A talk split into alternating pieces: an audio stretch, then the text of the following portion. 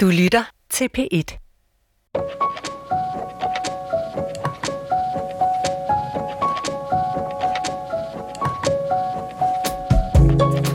Mit navn er Anna Emma Havdal, og jeg er manuskriptforfatter og filminstruktør. I denne her serie har jeg talt med en række kunstnere fra min egen generation. Til fælles har de haft en erfaring med at finde rodfæste skabe sig en identitet som kunstner.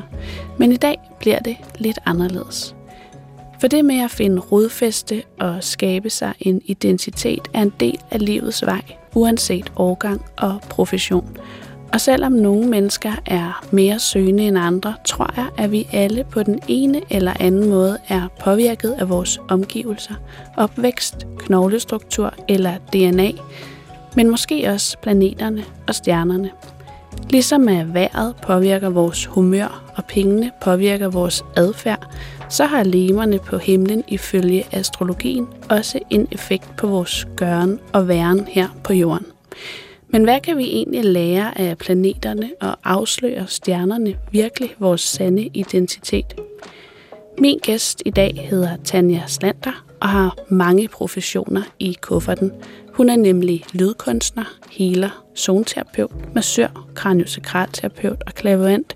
Men jeg har inviteret hende, fordi hun lige nu også er studerende på Astrologisk Akademi, og jeg har bedt Tanja om at se på, hvad stjernerne og planeterne siger om min identitet som kunstner.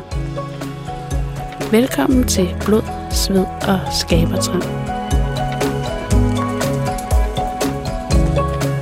Den her serie handler om at finde rodfæste og skabe sig en identitet som kunstner – men det her er den sidste episode i serien, og derfor vil jeg i dag åbne mig for astrologiens indsigt i mit væsen og undersøge, om vi kan lære noget af stjernerne. Velkommen til dig, Tanja Slander. Tak skal du have. Siger jeg dit efternavn rigtigt? Ja, det lyder fint. Godt. Jeg har altid lidt svært ved sådan noget CH. Schlander. Ja, Schlander. Altså min farmor siger Schlander. Jeg siger bare slander, det er okay. Der er mange måder at sige det på. Det er godt. Vi kender øh, jo hinanden fra Brixen. Altså det vil sige, at øh, jeg har ligget på din Brix rigtig mange gange og har fået alle mulige former for behandling og supervision i forbindelse med min kreative praksis. Og som jeg sagde i introen, så har du en del professioner, men øh, i dag er du her primært i kraft af øh, du er i mesterlærer øh, hos Claus Holberg, mm. som er astrolog øh, på det, der hedder Astrologisk Akademi. Og grunden til, at jeg fik lyst til at invitere dig i dag, var fordi jeg faldt over et brevkassebrev i politikken, mm-hmm. som jeg lige vil læse op. Tak. Kære brevkasse, en trend har bredt sig, og den har konsekvenser for mit kærlighedsliv. Jeg taler om folks besættelse af astrologi og stjernetegn. Jeg forstår ikke, hvordan det skete, at en hel generation af veluddannede humanister pludselig tror på stjernernes placering som en plausibel forklaring på stort set alt. Trenden er bad news for mig. Problemet er nemlig, at jeg er skytte, og det er åbenbart en kendt sag i moderne astrologikredse, at man ikke bør forelske sig i en skytte, for en skytte kan aldrig binde sig og alt sådan noget. Hvad skal jeg stille op med de fordomme, der klæber til mit stjernetegn? Bør jeg vente til trenden er drevet over? KH Skytte. Tanja, hvorfor tror du, at interessen for astrologi pludselig er blusset op? Hvorfor lige nu? Jamen altså, øh, der er da i hele taget sket ret meget. Vi har ikke så meget tabu længere, altså over for, at man er særligt sensitiv, for eksempel.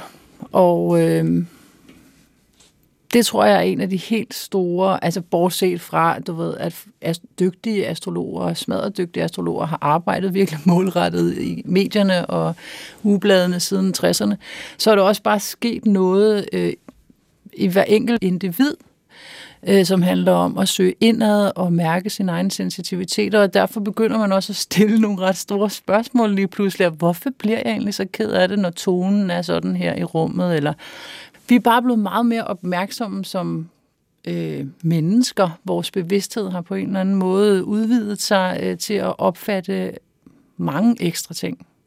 Og jeg tror, at øh, når vi lever i sådan et land, hvor man virkelig har øh, skilt tro og altså kirke og stat og sådan noget der. Altså jeg for eksempel helt privat er jeg jo vokset op i et hjem, hvor vi aldrig nogensinde har snakket om Gud. Så, nogen, så oplever man nogle essentielle kriser her i livet. Jeg er 46 år, så der, det har jeg da gjort et par gange, vil jeg sige. Nogle gange så er de så ekstreme, at man lige må spørge sådan, øhm, hvad sker der? Og så begynder man jo at søge. Altså, så begynder man at søge. Bibliotekerne er også en vidunderlig ting. Internettet er opstået. Øh, plus altså netop vores åbenhed og aftabuisering af krystaller og tarot og alle de her ting, som vi efterhånden bare har sådan helt hverdagsagtigt med. Sådan, om jeg har også krystaller, alle har det. Hmm. Folk laver kombucha, og altså, der er sådan, der er sket øh, en opblødning der. Men jeg har det faktisk lidt ligesom skytten her, fordi jeg oplever øh, også det her fænomen meget kraftigt i min egen generation, men måske også dem, der er lidt yngre. Og jeg har tænkt på, om min generation er en særligt søgende generation. Ja, det er I. Altså, du tilhører simpelthen en generation, det er skorpion, Pluto-generationen hedder den, ikke? Og det kan bare, det er Pluto med Pluto på, og i astrologien, der står Pluto ligesom for sådan, ikke total destruction, men altså død og genfødsel. Så det er sådan en fuldstændig ren transformation, og den indeholder rigtig, rigtig mange særligt sensitive individer faktisk, som er vokset op i, øh, i nogle hjem øh, med forældre, øh, som var præget af vægten, som var balance for enhver øh, pris, ikke?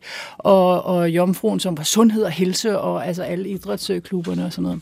Jeg kan lige tilføje, at jeg er født i 1988 og tilhører det, man kalder øh, generation Y Ja, den generation, Pluto-Skorpion, ja. generationen, den løber fra 1983 til 1995. Så de mennesker globalt set, og det er jo det, der er sådan helt vidunderligt også ved astrologien, det er det sådan, det er worldwide. Mm. Det er for alle. Det er ikke bare dem, der bor her, men det er sådan alle os, der bor her på jorden, som, gen, altså, som har nogle øh, generationstræk. Øh, det kan jeg virkelig godt lide ved astrologi. Mm.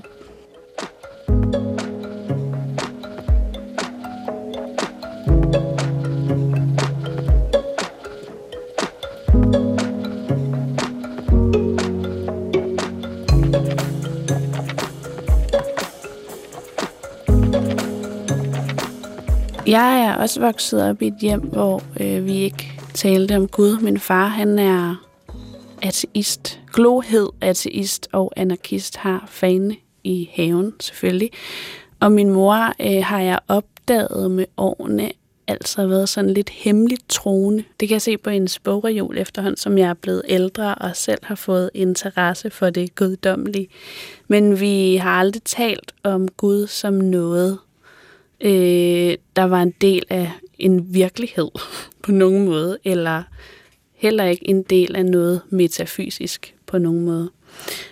I teenage-tiden, der var jeg sådan ekstremt ateist. Altså jeg troede ikke, ligesom min far, jeg troede ikke på øh, andet end det, jeg kunne se, og jeg synes alt var kaos og uden mening.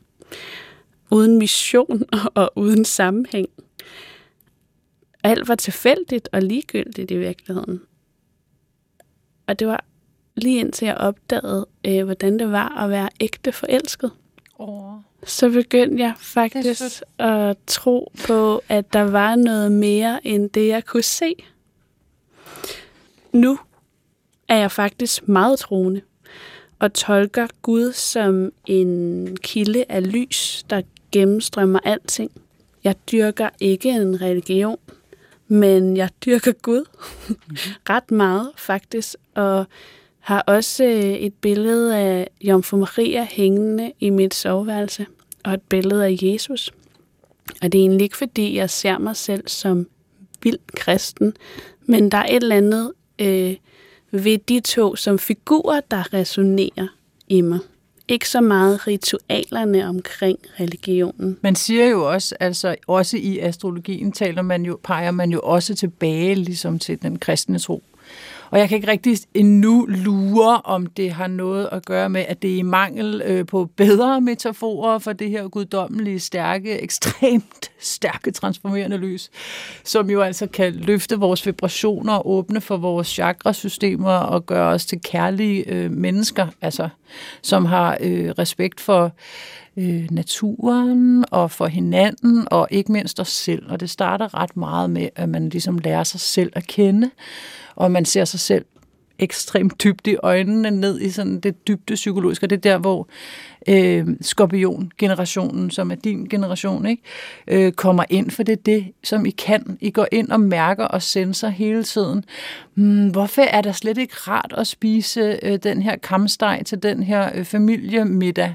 Når alle sidder og siger, Gud, hvor har vi det hyggeligt. Og man kan bare mærke med alle celler i ens krop, at det er overhovedet ikke hyggeligt. Jeg har ondt i maven, jeg får ondt i hovedet, jeg har tyndskid, så må man sige det? Ja, det Okay, man får det bare rigtig grimt af at være der, og man er ked af det, og man er et barn, og man kan bare overhovedet ikke forstå, hvad sker der? Man går ud og kigger sig selv i spejlet og siger, det er ikke mig det er ikke mig, det er ikke mig. Og det er sådan ligesom det, som den her generation går ud på. Den dykker helt ekstremt ned i det der øh, arvermiljø, de her dybe psykologiske følelser. Hvad er det? Indtil at den til sidst skal sige, ah, men det er ikke mig. Og når den der generation lige pludselig, som jo er, er din, vågner op sådan, til sådan en fælles bevidsthed af, sådan, okay, det er ikke mig, så sker der sådan noget som øh, MeToo og altså øh, Black Lives Matters og alle de her ting, vælter øh, øh, statuer ned og vil gerne have ændret nogle vejnavne nu, fordi det der slaveri var bare ikke i orden på nogen måde. Altså det er simpelthen et meget retfærdigt tegn, et meget kærligt tegn faktisk, inden bag ved den her dybe kritiker, ikke? Mm. Så det er sådan nogle ting, der er i spil, når man snakker om din generation. Det er sjovt, du siger det der med at sidde til en, en familiemiddag. Altså det, det billede, du tegner der, har jeg jo oplevet rigtig, rigtig mange gange. Og jeg kender også en masse, der... Øh, vi taler meget om netop det der med, at familie er en virkelig underlig ting. Fordi man er tvunget til at være sammen med dem man elsker dem. Der er meget, meget kærlighed, men der er også virkelig meget sådan apati. Ikke? Altså sympati og apati. Der er også mange i min generation, der taler om det her begreb chosen family. Ja. Som er ligesom at vælge sin egen familiekreds. Ja, og det er fordi generationen øh, Skorpion Pluto har overhovedet ikke, de er ikke kommet her for at gå sammen med dem, der var her før, eller altså, de er kommet for at sådan, faktisk rydde øh, vejen. De rydder det af vejen, som står i vejen kan man sige. Ikke? De er ikke kommet for at følges med nogen. De er kommet for at bane vejen for lyset, transformationen, ikke? så vi kan få det ordentligt. Ikke? Og generationen efter jer er jo Greta Thunberg, ikke? som jo altså er skytte, som er sådan noget skoleuddannelse. Ikke? skolestrække resonerer selvfølgelig sindssygt godt i hendes øh, generation. Det er bare, ja, det pinger for alle, og hun siger ordet skole, de er skytter alle sammen. Ikke? Så når I har ryddet vejen, og vi alle sammen har fundet ud af, at det er okay, og det er helt en ny naturlighed at være særligt sensitiv, og have så høj en vibration, som I har, jamen så, altså, øh, så, så er der ligesom plads til ja, et helt muligvis øh, helt ny øh, verdensorden med mere fokus på miljø. For eksempel kunne man forestille sig. Ikke? Men nu er jeg lidt forvirret, fordi ja. nu taler du om det her med, der altså vi alle sammen er i skorpionens tegn, og alle sammen er i skyttens tegn. Kan du ikke lige prøve at forklare, hvordan det er bygget op? Fordi der er generationer, som er, har, er født ind i tegn, men der er også individer, som er født i tegn. Ja, det er rigtigt. Altså, øh, astrologien er jo ligesom bygget op omkring de her klassiske 12 planeter og 12 huse og 12 stjernetegn. Der er et system, som er rundt. Det er delt op i 12 felter, og det er de 12 stjernetegn. Og når man læser det, så starter det altid med vederen, fordi det er initiativet, det rambukken, livet begynder, frøet, bang. Ikke? Og så kører man bare sådan duk, duk, duk, duk, duk, duk, duk. Også som livsforløb igennem de her 12 faser af ens liv, kan man sige. Og det samme sker så med de her generationer. Men det er sjovt at bruge Pluto som sådan en generationsplanet. Altså dels fordi, hurra, det er jo globalt, øh, og man kan se det i hjulet, øh, hvor den ligger. Den ligger sådan øh, omkring sådan en 15-20 år i hvert tegn, som den følger jo altså som et urværk igennem øh, det astrologiske system af de her 12 øh, punkter. Der, der er den ligesom en viser for transformation hele vejen op igennem det her, ikke? Hvis jeg lige skal vende tilbage til det her brevkassebrev. Ja, det vil jeg gerne snakke om.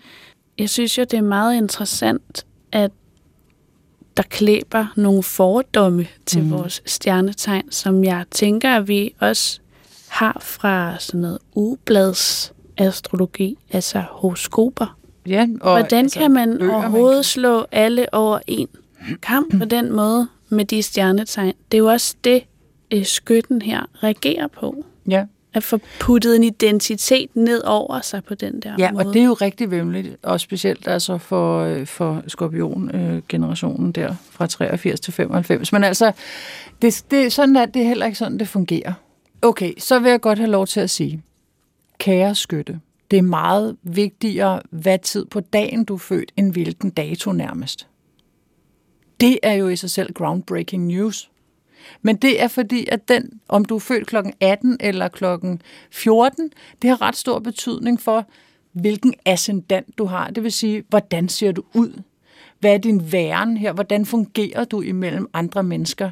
Hvordan bliver du faktisk forstået? Hvordan bliver du aflæst? På øh, astrologiskolen, så siger vi, hvordan er man inkarneret som sjæl?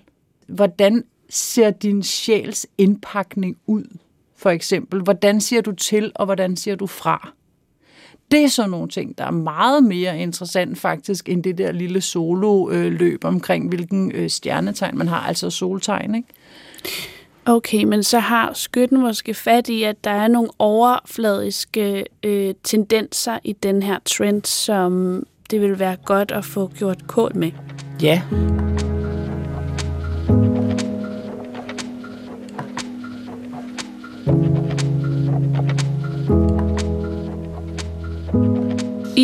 øh, hele min sådan, øh, teenage-tid, hvor jeg var meget ikke-troende og agnostiker på mange måder,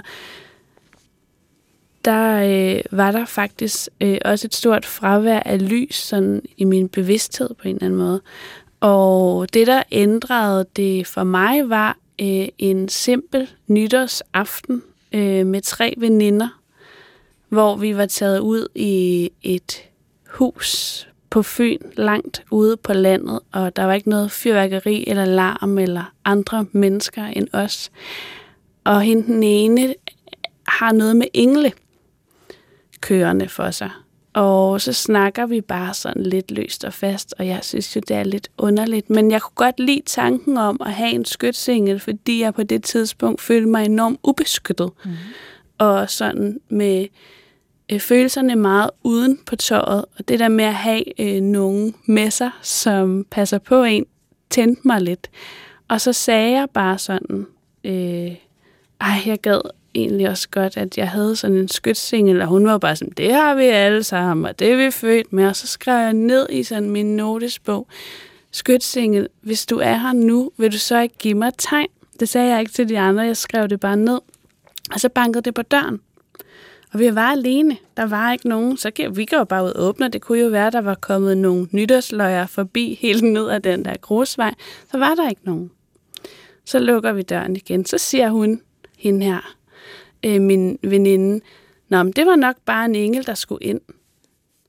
Og jeg var bare sådan helt forskroet i hovedet. Jeg sådan, hvad snakker du om? Altså, måske går der døde mennesker rundt. Ja, det har jeg forstået, fordi jeg har set mange øh, gyserfilm. Men hvad mener du med de engle der? Jeg forstår det ikke.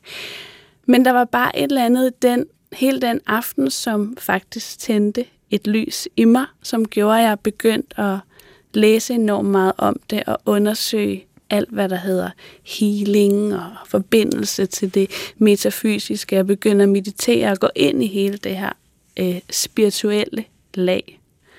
Hvor startede øh, det her for dig? Ja, det er jo en lang historie. Jeg er jo født af en, øh, en øh, meget særligt sensitiv mor. Øh, sådan en engel Måske var hun det. er, hun lever stadig. Øh, så jeg er jo opvokset i et, øh, et univers af altså, øh, spøgelser og naturånder og øh, altså øh, en eller anden form for klarsyn har hun i hvert fald haft.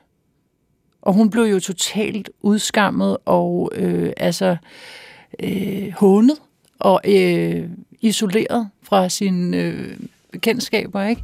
Fordi hun pludselig kom med sådan nogle øh, Øh, ret øh, outrerede øh, øh, meninger og holdninger, ikke? Som det faldt ikke så godt øh, i spænd med kommunismen, for eksempel som er min fars side. Ikke? Altså en, så, øh, og så er jeg opdraget også, at min far arbejdede ude i Lejre Forsøgscenter, som i dag hedder Savnlandet Lejre. Altså, og der har jeg så gået rundt i min helt egen lille øh, syvårede størrelse øh, uld, øh, farvet i brændelder, ikke? Altså, og bare øh, dimlet rundt og troet på Odin og Thor, Freja, Idun. Jeg var Idun. Og altså, det var mit, øh, også mit værv at passe på gederne og forerne og altså gæstene. Jeg havde sådan, og jeg altså, lutrede ilden i alle husene og alt det her. Så jeg havde jo en meget magisk barndom kan man sige, på alle, øh, og reelt politisk øh, også. Ikke? Så altså, jeg, jeg kan næsten ikke skille ad. Altså, jeg er født direkte ned i det, men jo på en, altså, hvor det er blevet skammet rigtig meget ud af psykisk sygdom og diagnoser og alle de her rigtig Hvorfor ærgerlige ting. er det så skamfuldt at være spirituel eller tro på Gud? Jeg synes, vi lever i sådan en tid, hvor det at tale om Gud er simpelthen så langt ude. Ja, altså i det her tilfælde er der jo stor forskel, ikke? Altså spiritualitet, som er en clairvoyance, for eksempel, øh, det rimer jo ikke rigtigt med, med folkekirken, for eksempel. Altså, vi må jo gerne være kulturkristne nu. Men min farmor og farfar snakkede heller aldrig om religion. Jeg tror nok, at jeg så engang, det havde en salmebog stående på boghylden, ikke? Men det er det. Måske var de faktisk jøder, altså, som er assimileret det er jo ikke sådan forfærdeligt lang tid siden, at der faktisk var øh, en besættelsesmagt. Mm. Hvor at der var det i hvert fald ulovligt at være jøde og have den form for religion. Så der måtte man i hvert fald ikke snakke om den slags ting mm. overhovedet. Det var livsfarligt. Så vi, vi, vi har været inde, vi har prøvet øh, øh, at skulle tige stille omkring det. Det har vi lært. Og nu er det måske på tide, at vi godt må snakke om det igen. Det føles ja, i hvert fald. Jeg tænker bare, når nu du er for en, du er jo i virkeligheden for en generation, så hvor det er endnu mere øh, klamset, har jeg lyst til at kalde det, at, øh, at være troende, end det er i mange i de miljøer, jeg kommer i, i, i min generation. Ja. Ja, altså fordi hvis du ville spørge mig for eksempel, hvornår tændte dit indre lys, ikke? så vil jeg sidde og tænke, øj, altså i hvert fald ikke, da jeg var 20. Det er helt sikkert. Altså, ja, øh, nej, der, det var ironi og hiphop og øh, street art og noise musik og altså ungdomshuset og sarkasme, ironi og sarkasme ikke? over hele linjen. Så der kunne man jo ikke sidde og sige, jeg føler og mærker, at det blev jo hånet og, og tæsket ud af os i skolen, at man måtte jo ikke, altså det var jo ikke en argumentation at sige, at man følte noget som helst. Mm. Eller synes. Jeg synes, nej, det var, der fik man røde streger, altså. Det er sjovt, fordi der er sådan en formulering, som jeg først har lært, efter jeg flyttede til København, som er, jeg føler, at som er blevet meget del af almindelig tale nu i min generation, hvor i starten var jeg bare sådan, det, det kan du ikke sidde og sige. Altså sådan, du kan jo ikke føle alting. Hvad synes du egentlig? Kan du sige, jeg synes, alt, alt blev pludselig følelser. Jeg tror også, det var i forbindelse med filmskolen, og det der med at skulle skabe, så er det bare, men så taler man meget om sine følelser, for ligesom argumentation for, at noget er vigtigt. Og jeg kunne slet ikke øh, arbejde med det i starten, fordi jeg er øh, opdraget i sådan et hjem, hvor man skulle have alle sine argumenter i orden i en diskussion, og det, der var ikke mange sådan nogle blide samtaler over bordet. Det var altid nærmest sådan fights. Mm-hmm. Rigtige diskussioner ja. om noget. Mm-hmm stort. Gerne sådan med, hvor man har rigtig bund i stemmen der, ikke? hvor Præcis. man kan snakke sådan her om tingene, ikke også? Fordi, og man skal blive ved med at sige det, man mener meget firkantet, ja. og der er sådan helt, øh, der, der er sådan en helt øh, måde at gøre tingene på, ikke? Det, den, det er den ene side af mig, den er der. Den er lige sådan braller, braller øh, duller, ikke? Øh, så det har jo været ret sådan, øh, mit første år på Klaverjanceskolen for eksempel, der sad jeg bare og tænkte, hvad? Altså, hvad? Altså, hvad? Altså, kan man virkelig bare snakke sådan her om til, altså... Ej, prøv lige at lægge mærke til, hvordan det hele er sådan ret lyserødt. Og... Eller du ved, sådan... Hvor jeg var sådan, det forstår jeg slet ikke, det der. Altså, så jeg forstår det overhovedet ikke. Så, øh, og det er jo også, igen, identitet, og altså, hvilken identitet øh, har jeg så som behandler og sådan noget, for jeg altså, måske hvis du interviewer mig om 20 år, har jeg fået lidt mere sådan øh, en stemme mm. og være, er så måske kommet ned i det her leje. Ikke også? Og det er da også vildt dejligt at være dernede. Ja. Men jeg er stadigvæk ret øh, sådan fiery, eller hvad man siger. Eller, ja. Da jeg tog øh, et kursus som øh, reiki healer, for ligesom at lære lidt mere om det der healing, ja. øh, der kan jeg også huske, det var meget svært for mig ligesom at validere mine evner på en eller anden måde. Jeg kunne ikke helt finde rundt i, hvornår altså, kan jeg overhovedet det her? Ser jeg overhovedet det der øh, lys, der strømmer ud af den der persons hoved, eller er det bare min fantasi? Oh ja, den er svær, Måske ikke? også, fordi jeg arbejder så meget med min fantasi som historiefortæller. Mm-hmm. Øh, men det er jo ikke bare fantasi, for det er jo også at putte virkeligheden ind i en sammenhæng og sætte den sammen på en ny måde.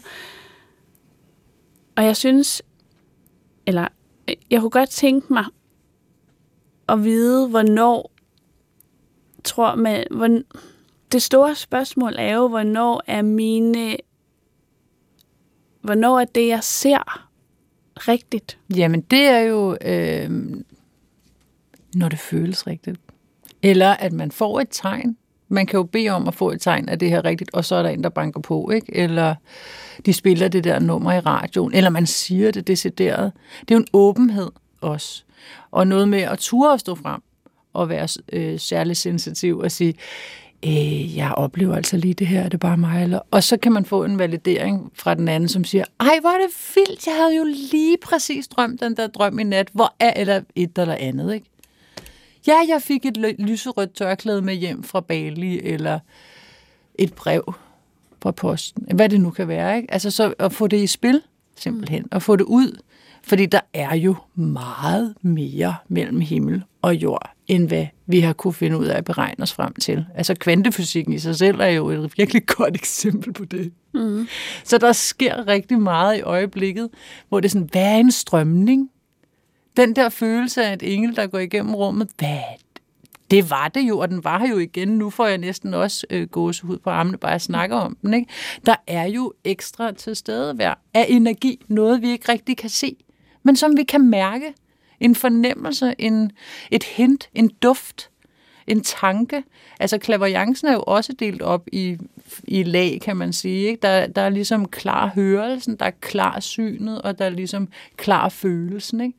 Mm. Og for mig startede det med, jeg havde jo glemt, øh, altså jeg, var bare, jeg havde ikke tænkt over, at min barndom var noget særligt, for jeg var jo barn, og det var jo bare sådan, det var, og altså, så det havde jeg aldrig tænkt over. Indtil at jeg står og skal give øh, nogle massagebehandlinger til nogle meget særligt sensitive Altså, der har jeg ligesom taget healeruddannelsen, men altså, så kommer der så sådan nogle virkelig særligt sensitive mennesker ind i klinikken og har noget med skulderen, du ved. Sådan rigtig irriterende bokker, der bare har siddet der i 15, meget lang tid, i hvert fald 15 år, ikke? Og jeg går i gang. Og jeg er jo sådan stedig og meget rolig og følsom, så jeg står sådan i lang tid bare sådan og mm, føler og mærker ligesom det her område. Og lige pludselig så ser det bare så har jeg ligesom øh, fået sådan en ny linse på øjet, og så ser jeg fra mit indre blik, for eksempel en 7-8-årig pige, som ligner hende, der ligger på briksen, bare lille, i gul øh, vest i en kajak, og altså som, altså som vender, og kajakken ligesom vender. Og, og jeg kan se åren nedenunder vandet i det der kraftige strøm. Jeg kan se de der klassiske bobler om brrr, den kraft af vand, ikke? Og jeg spørger sådan, øh, har du nogensinde øh, kendret med en kano, da du sådan var barn? What? Altså, ja, det havde hun jo selvfølgelig. Og hun lå hele, hele aftenen der bare på den stakkels bred der med sin fars uldtrøje på og havde ondt i chok. Og hun var i chok. Og det var sådan, nå, men så er det sådan den fibersprængning, vi lige er inde og arbejde med nu. så, og dem var der bare lige pludselig rigtig, rigtig mange af de her syn. Sådan, at du helt frivilligt en gang, da du var fem år, hoppede ned fra et meget, meget højt legehus. Altså, hvor at, at det nærmest er op igennem bækkenet helt op til nakken. Og det kunne man jo godt huske, at man havde hoppet ned, men ikke, at det gjorde så ondt. Men man kunne godt huske, at man gik og græd imellem mor og fars øh, hænder på vej hjem. Ikke? Mm. Så sådan nogle ting, hvor det er sådan, hvad er det? Hvad er det, jeg kan? Det er mærkeligt. Har du haft en Newfoundlander? Altså, sådan nogle ting, ikke? Altså, som bare sådan...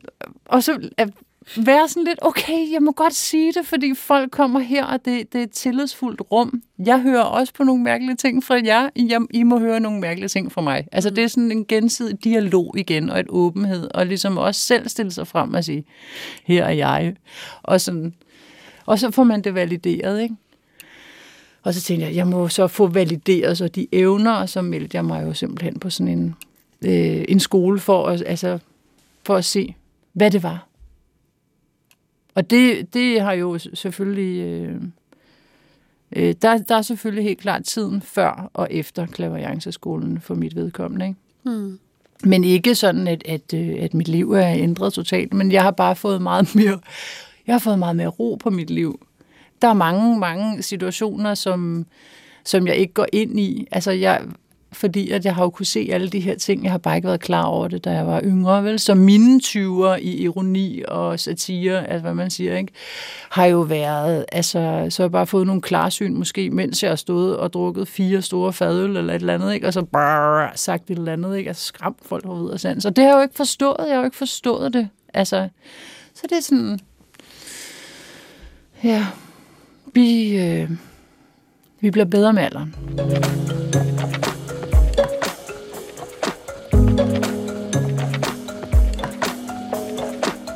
Det her er Blod, Sved og Skabertrang, og min gæst i dag er Tanja Slander. Nå, ja. Tanja, jeg har jo givet dig min fødselsdato ja. og tidspunktet for min fødsel mm-hmm. og mit fødselssted. Og så har du kigget lidt i stjernerne ja. og planeterne.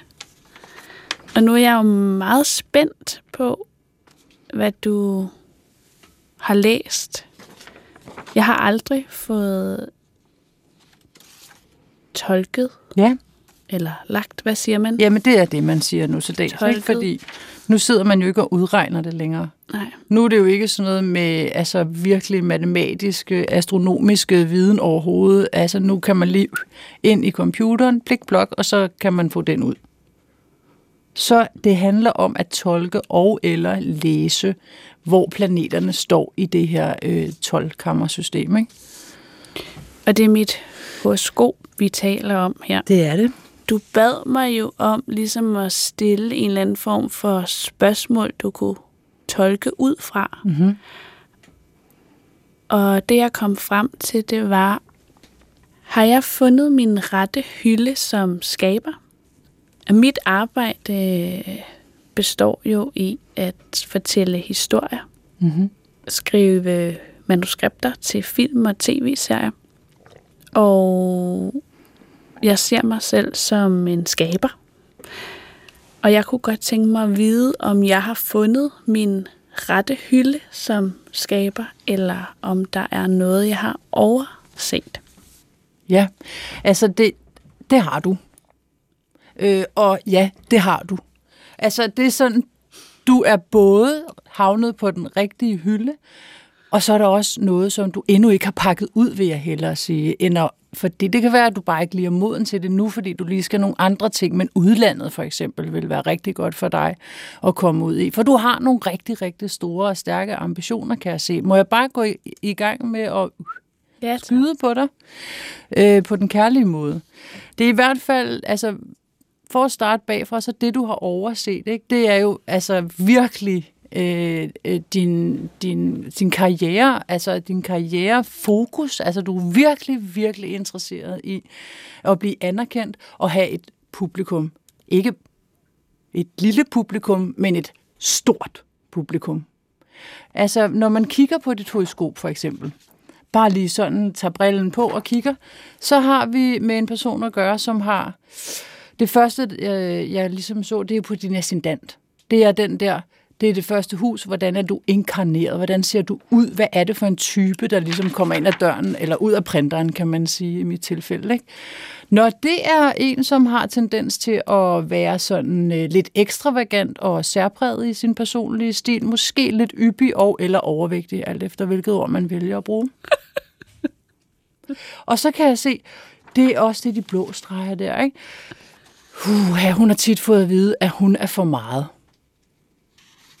fylder for meget, siger for meget, er for meget. Hun er også overentusiastisk, dybt drevet af sin intuition. Og det er mennesker, det betyder alt for dig. Andre mennesker, det betyder alt for dig. Og så er du også typen, som, øh, som vender snuden hjem af, efter at have prøvet storbyen af. Sådan hjem til det gamle konservative, vennerne, omgivelserne og sådan noget. Sådan rimelig faktisk meget morsomt, når du har lavet doggy style, ikke? Øh, så er der en stærk personlighed, som andre mennesker sjældent glemmer. Det er sådan en, man kan næsten kalde det sådan den elskede. Altså du, du vader faktisk rundt i kærlighed. Du bliver sådan støttet på hænder og fødder. Det er sådan lige sådan 5, 6, 7 hurtige fra hoften, som man bare ser, når man har printet den ud. Ikke? Der er flere steder i dit horoskop, øh, hvor man kan se, at du er øh, du har et skabende og dramatisk talent med sådan en rigtig god øh, forestillingsevne, en lejeløst og også en lederevne. Ikke? Og det gør dig jo selvfølgelig til en dygtig instruktør. Det er også fordi, at du gerne vil kontrollere andre mennesker hele tiden. Det har lidt også med den pludselig at gøre. Og du øh, står som værende et talerør for din generation også, ikke? Altså den, som er med til at skabe. Øh, der står, at du kommunikerer ud fra dit eget følelsesliv, og det er du rigtig, rigtig dygtig til. Så har du skabt dig en meget særlig erhvervsmæssig position, hvor du bruger dine øh, kommunikationsskills fuldt ud. Så enten vil man tro, du var forfatter eller journalist, og i hvert fald kendt for dine intellektuelle gaver. Og så bruger du nemlig øh, de gaver på at bore meget, meget dybt ned i psykologi og parapsykologiske øh, emner. Så udtrykker du dig helst igennem enten musik, kunst, skuespil eller alt, hvad der har med vand at gøre. Det kan være noget, jeg ikke ved om, det der vand. Men øhm, jeg synes indtil videre, altså hvis jeg havde fået det her, hvis du havde sendt mig sådan en her blind, en blindsmagning, så ville jeg godt vide, at det var dig, jeg havde at gøre med. Men hvordan føler, kan du se dig selv i det her? Jeg er helt chokeret. Okay. Altså, jeg forstår slet ikke, hvordan du kan vide alt det der. Jamen, jeg kigger simpelthen bare på, altså, at du har for eksempel uh, Jupiter i vederen, som er din ascendant. Jupiter, det er ligesom det her storsladende, det storslåede, det, det er lykkens pamfidus. ikke? Den har du som en del af din væremåde, og så er det også det, at man kan komme til at lægge sig lidt ud, for eksempel. Ikke? Og vederen som ascendant er sådan en, der går sin egen vej, som har sin helt egen stil, for eksempel. Så det er bare første hus.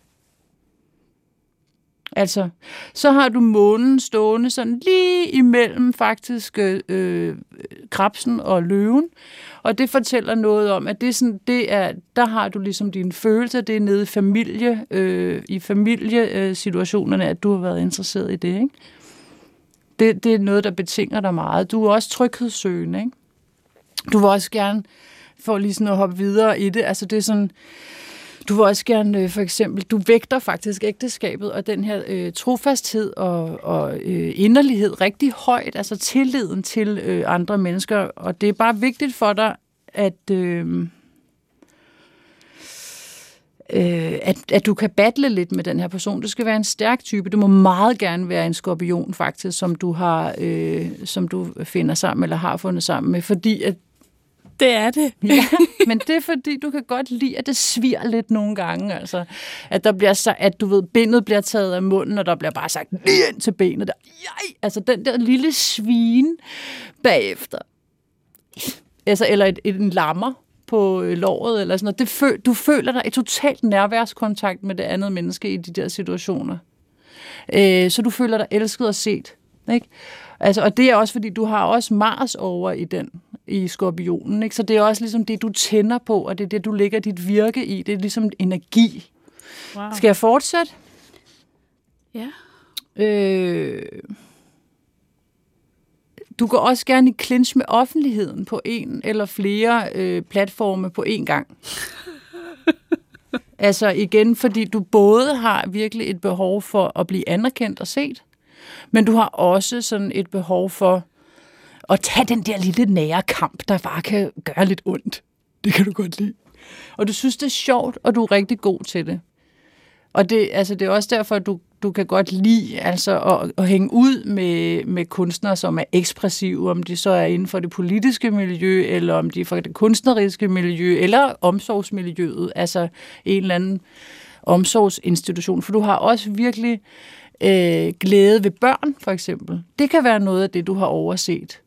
At, at, at lave noget arbejde med børn, fordi du har en inspireret kreativitet. Det vil sige, at du bliver ligeligt inspireret altså af børnene, som, som du inspirerer dem, bliver du lige så inspireret af samværet med dem. Øh, og den der legelyst, og den der frimodighed, og de der ting, der lige kan svige lidt, du ved, ikke? For sandheden hører man jo fra børn og fulde folk, ikke også? Det er sjovt, du siger det. I forhold til det der med de svære familiemiddag, så har jeg jo fundet ud af, at jeg bare skal sætte mig ned til børnene. ja. Dit horoskop siger også, at at familien kunne være en del af din måde at tjene penge på. Altså du skal helst have sådan tre bolde i luften eller fire på én gang, så et familieforetagende vil være godt at starte op, og så have en eller anden praksis, som du har kørende her i medielandskabet, og så måske øh, ja, skrive en bog, være forfatter. Øh, der er de der forskellige ting, du kunne gøre, ikke? Og altså meget gerne faktisk undervise i nogle grundskoler, øh, grundskolestørrelsesbørn, ikke? Men det kan være, at det kommer på sigt. Og så foreslår det jo igen også, gå oversøgisk, ikke? altså ekspander, gå ud øh, af boksen, øh, altså følg virkelig, øh, følg virkelig din originalitet der. Jeg har en slem, slem rejseangst. Ja, men det er fordi din Saturn sidder øh, lige i røven på den. Øh, så den, den kommer du over på et tidspunkt. Det er sådan set, hvis man kigger på det spirituelt eller astrologisk, så er det sådan, det er det, du skal lære her i livet. Det er Saturn, det er den store lærermester. Det er det der, man kæmper og snubler over hele tiden. Lige indtil, at nu kan jeg godt, og så er du bare blevet smadret god til det. Og den ligger oppe i ekspansionsfeltet her, og der, der er du ikke endnu, fordi det ligger først oppe i 9. hus, så det er sådan om et par år. Så der er faktisk en chance for, at øh, jeg kan turde tage et fly til et land, jeg aldrig har været i før, uden at ligge ralle de første fire dage. Ja, det er der. Helt sikkert. Og det er det der, man skal finde ud af, hvordan får jeg pakket de der ting ud? Altså, hvordan kan jeg hjælpe min Saturn? Altså, og det er tid. Saturn er ligesom lige med tid. Så med tid kommer råd, kan man sige. Lige pludselig en dag, så vil du være så ambitiøs, at du bliver nødt til at gøre det, for eksempel. Eller du har fået det tilbud, fordi du har jo også en tendens til at være det rigtige sted på det rigtige tidspunkt med nogle mennesker, som er på overlæggeren, altså inden for dit fag, og som pludselig har sådan ikke kunne glemme dig og inviteret dig til det her. Øh, så det vil være meget typisk øh, for det her højskole i hvert fald, at du sådan vil få den her invitation, og så bare sådan, nå, okay, øh, det bliver jeg nødt til at, at ligesom se på. Fordi det betyder virkelig meget for dig at arbejde. Det er en stor glæde for dig, det er sådan set nærmest også nøglen til at finde sit eget indre lys. Det er at arbejde for dig. Mm. Det kan jeg meget godt genkende. Wow, det er godt nok også øhm, øh, voldsomt at få serveret så mange øhm, tolkninger af mig. På én gang? På én gang. Jeg har også speedet den op jo, fordi at vi sad i det her medie i den her stund. Ikke? Altså som regel er det jo en samtale, hvor man lige drikker en kop kaffe imens. Ikke? Den har jeg jo drukket nu allerede, så jeg har drukket to kopper kaffe, så jeg snakker også lidt hurtigt. Mm. Ikke? Altså, men det er sådan, det er jo meget på én gang, og nu får du det jo bare med hjem på et papir. Ikke?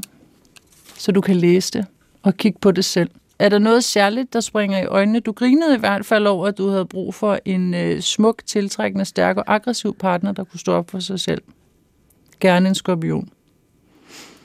Det er jo sjovt, at min kæreste er skorpion, når du siger sådan.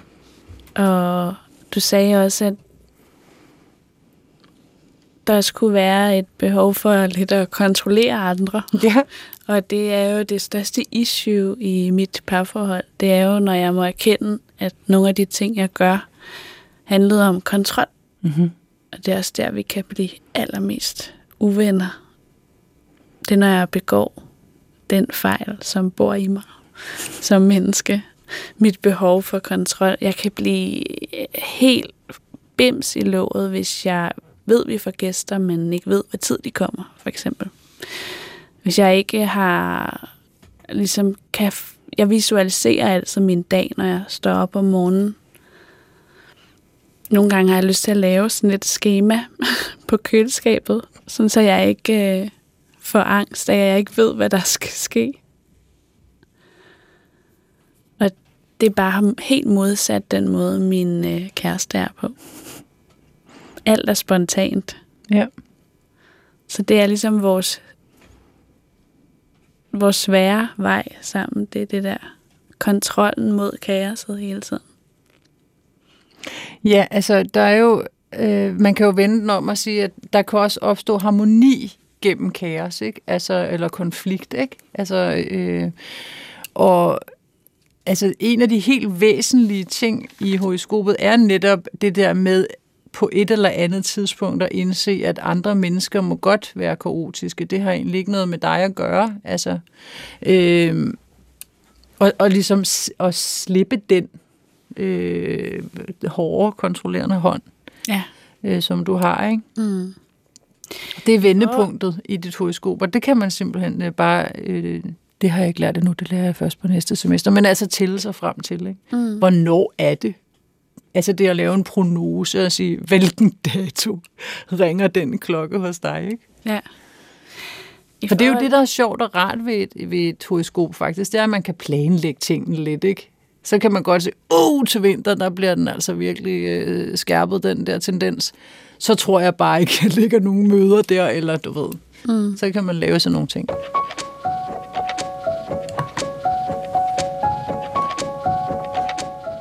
I forhold til spørgsmålet, om jeg har fundet min rette hylde som skaber, så øh, føler jeg jo det nede i maven. Mm. Men det er helt utroligt rart at høre øh, der sige alle de her ting. Og især i forhold til, at noget af det, jeg arbejder meget med, det er at validere min intuition. Ja. Og jeg gør meget ud af at formidle til mit hold, mit filmhold, at øh, jeg arbejder med intuition som det første altid. Og det er ikke altid, jeg har en eller anden sådan specifik eller sådan økonomisk valideret grund til, at jeg kan mærke, at vi skal filme på den der location frem for den der location. Men jeg kan mærke, øh, at der er noget der, jeg skal bruge, og jeg ved ikke, hvad det er endnu. Og så går det altid op for os undervejs, hvad det er, der lige var der. Og nogle gange kan det også være, at jeg skal øh, tage en halv time senere ud af døren på arbejde af en eller anden underlig grund, og så øh, møder jeg en person, som jeg virkelig skulle møde, fordi at den person skulle jeg bruge til noget, eller den person skulle bruge mig til noget eller vi havde noget, der skulle afsluttes. Og det er virkelig en ting, som er blevet meget præsent øh, i mit arbejdsliv. Det her med at tro på ens intuitionen som en vejleder. Mm-hmm. Men det der med sådan at, at møde øh, den rigtige, altså på det der, det er meget også det der i Jupiter, altså i ascendanten, ikke? At man kommer mere, det er jo også i virkeligheden til den der kære skytte, der havde skrevet ind tidligere, ikke? Så er det sådan, ja, øh, altså vi har jo slet ikke engang snakket særlig meget om, at du jo er stenbuk, for eksempel, vel? Mm. Og det er jo også Greta Thunberg. Det har vi jo ikke snakket om, fordi det var faktisk ikke det, der var allermest interessant. Det var mere interessant ligesom at høre, hvordan virker du på folk, fordi du har øh, evner og tager lederskab og er en kommunikator for din generation inden for mediebilledet og reproduktionen af, sådan, hvordan ser vi os selv og andre i relation til det. Øh, hvor er din måne, dine følelser og din intuition? At hvordan, hvad er det for et ophav, du ligesom er inde og kigge på? Det er barndommen. Månen realiserer, at er, øh, repræsenterer øh, barndommen. Og på et eller andet tidspunkt, så bliver vi sådan voksne. Og så lige på et eller andet tidspunkt, så springer man ud og bliver så sin ascendant. Så bliver man ligesom frigjort endda fra sit soltegn, ikke? og så bliver man sådan sin ascendant, som er den rene væren. I de tilfælde så vederen, som er initiatoren, igangsætteren, øh, altså faklen, der bare får en god idé, og så bare blæser afsted. Altså, så det, pludselig kan det være, at du tænker Grønland, og så må du bare derhen. Det er meget dejligt for mig at øh, tale med dig om det her, fordi grunden til, at jeg startede med at læse det der brevkassebrev op fra skytten, mm-hmm. er jo fordi, jeg selv rummer lidt den samme skepsis over for det her astrologi noget. Mm-hmm. Netop på grund af de fordomme, som det kan medføre. Og jeg er rigtig glad for at opleve, at det er langt mere komplekst end at læse et stjernetegn, som er målrettet alle, der er født i en bestemt periode. Mm-hmm. Der er mere på spil, og det er meget personificeret i virkeligheden. Ja, altså fordi det er jo et, et sådan et snapshot af, hvordan stod universets planeter hen over din isse, da du blev født. Altså, hvad, altså hvad, hvordan så det ud? Ikke? Altså den store blitz, sådan, sådan stod de hvad betyder det? Hvad er det for nogle spændingsfelter og magnetpåvirkninger? Og altså, jeg forestiller mig sådan i slow motion, at du ved, en eller anden planet, øh, der får forbi, og så forestiller jeg mig sådan, at man sådan bliver sådan... Men vi kan ikke se det, fordi det går så langsomt, men i virkeligheden så morfer vi bare sådan totalt ud og sådan øh, noget mærkeligt laksefarvet øh, fnider, der egentlig hænger derude, sådan energetisk set i hvert fald, og vi går bare rundt her i vores sådan, kroppe, sådan, ja, ja, bum, bum. Vi kan slet ikke, altså, vi når slet ikke at opdage det, vel? Mm. Men i virkeligheden, så er vi bare blevet vredet rundt og vendt på vrangen og øh, hængt op og ned og bare står og bliver rystet, men vi opdager det ikke rigtigt. Mm. Fordi jorden drejer jo rundt. Nå ja, puha, det gør den jo også. Og solen står også op i morgen. Det er også svært at forholde sig til, at de der store øh, kugler, der suser rundt deroppe, øh, skulle have en effekt på noget som helst. Men på den anden side, så tror jeg jo på, at tror jeg på nu, hvor jeg er nu i mit liv, at øh, alting øh, har en sammenhæng. Og øh, det vil ikke give mening for mig, at de øh, planeter skulle hænge der og dreje rundt i et meget sådan specifikt mønster, uden at øh, der var en mening med det.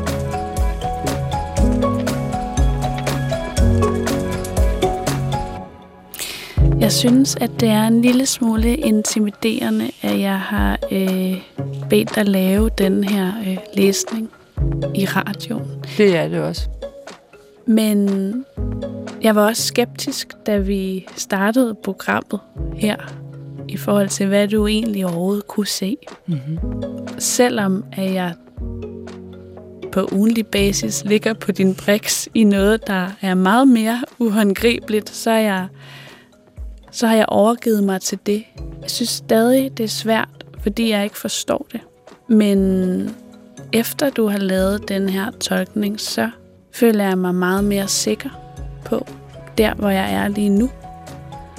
Og faktisk mindre angst. Sådan. Det er jo bare virkelig dejligt. Tanja, mm-hmm. tusind, tusind tak, fordi du havde lyst til at tale med mig om det her, og give mig den oplevelse at få tolket mit horoskop for første gang. Tusind tak, fordi jeg måtte være med. Og tak til alle, der har lyttet med derude i denne her serie Blod, Sved og Skabertrang. Jeg hedder Anna Emma Havdal, og hvis du ikke har hørt de tidligere episoder i serien, så kan du finde dem i DR's radioapp eller der, hvor du ellers finder dine podcasts.